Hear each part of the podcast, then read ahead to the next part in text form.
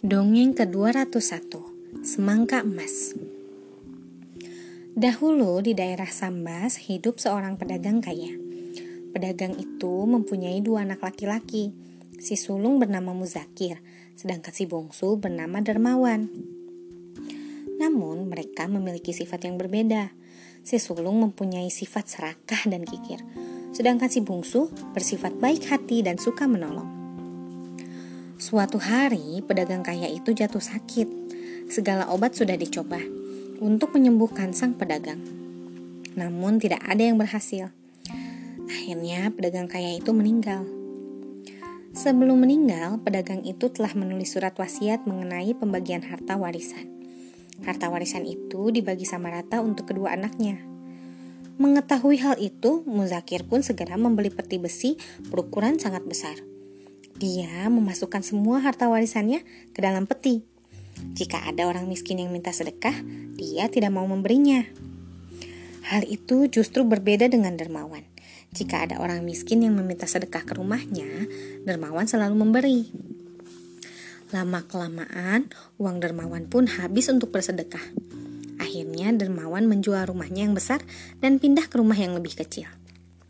Mengetahui hal itu, Muzakir menertawakan sikap adiknya. Dasar dermawan bodoh, coba hartanya tidak dia sedekahkan. Pasti dia tidak akan miskin seperti sekarang, kata Muzakir. Hal itu berbeda dengan Muzakir.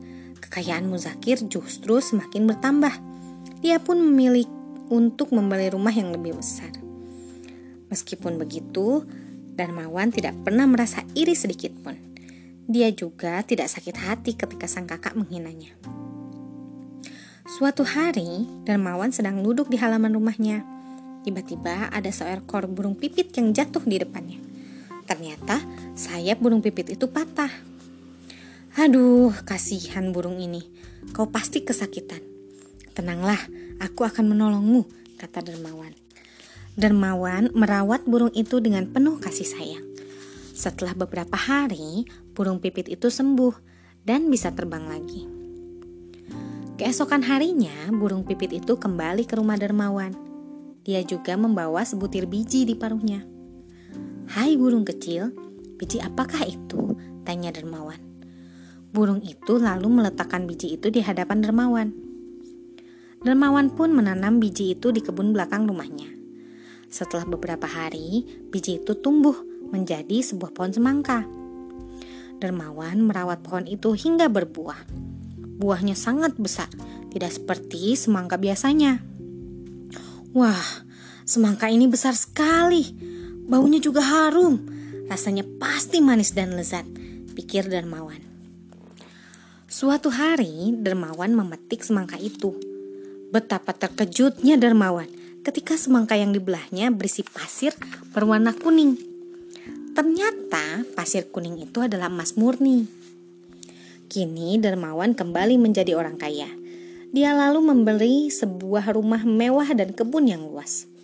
Dermawan tetap menolong orang yang minta sedekah. Meskipun sering bersedekah, Dermawan tidak akan jatuh miskin lagi. Melihat adiknya yang memiliki banyak harta, Muzakir menjadi iri. Muzakir lalu mendatangi adiknya. Dia ingin tahu apa yang dilakukan sehingga dia menjadi sangat kaya. Dermawan pun menceritakan tentang biji semangka pemberian si burung pipit. Sesampainya di rumah, Muzakir menyuruh bawahannya untuk mencari burung pipit yang sayapnya terluka. Setelah seminggu, bawahannya belum menemukan burung itu. Akhirnya, Muzakir mendapatkan ide. Dia menyuruh bawahannya menangkap burung pipit menggunakan apitan. Hal itu membuat sayap si burung patah. Muzakir kemudian berpura-pura kasihan dan mengobati luka burung pipit itu. Setelah sembuh, burung itu pun terbang pergi. Esoknya, burung pipit itu datang kembali ke rumah Muzakir dengan membawa sebutir biji. Tanpa menunggu lama, Muzakir segera menanam biji itu di kebun. Dia merawat biji itu hingga tumbuh menjadi sebuah pohon semangka. Pohon itu memiliki buah yang ukurannya sangat besar, bahkan lebih besar daripada semangka milik dermawan. Wah, pasti emas di dalam semangka ini lebih banyak dari emas milik dermawan. kata Muzakir sambil tertawa senang. Suatu hari, Muzakir membelah semangka itu. Namun bukan emas yang didapatnya.